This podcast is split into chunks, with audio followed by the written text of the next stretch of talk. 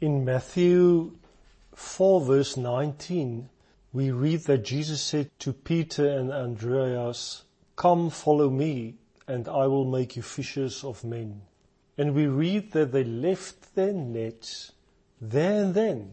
From the story which I have just shared with you, we have a better understanding of why they just left everything like that and followed Jesus. I must admit that the first time when I received this background contextual information, my understanding changed about who Jesus is and of what a disciple is. Therefore, I would like to discuss with you in the coming days what it means to follow Jesus step by step. Wow, those disciples were so privileged.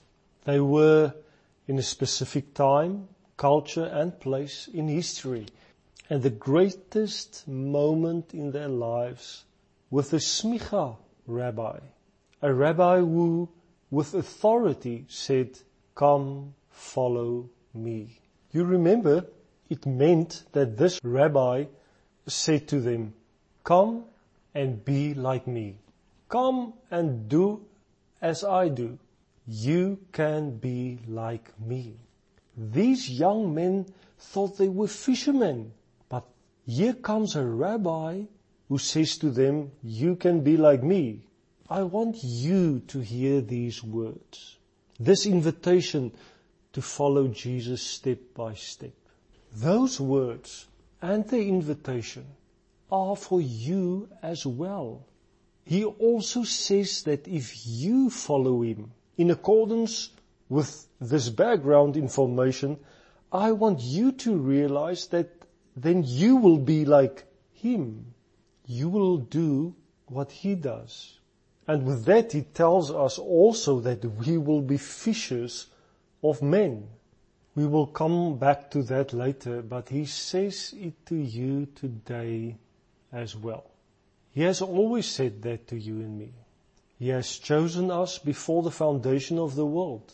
We have all the blessings of heaven and we have everything of Christ in us.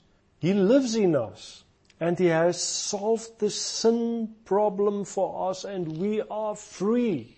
But in the area of our souls, we still have to grow into the manifestation of the truth and reality of what He has already done for us in our spirit. Now He asks us in our conduct to follow Him step by step.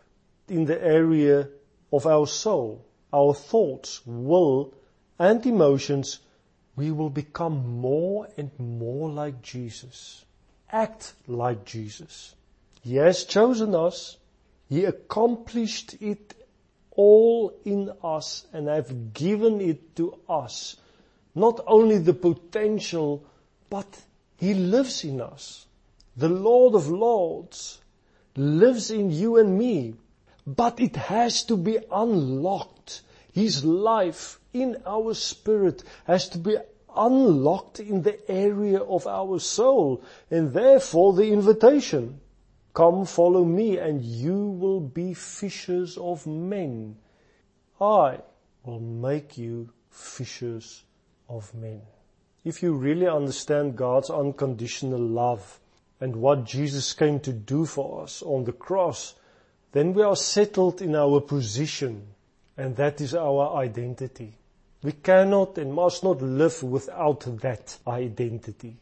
But this identity has to be unlocked to a realization in your thoughts, your will, your emotions, your way of life and your deeds.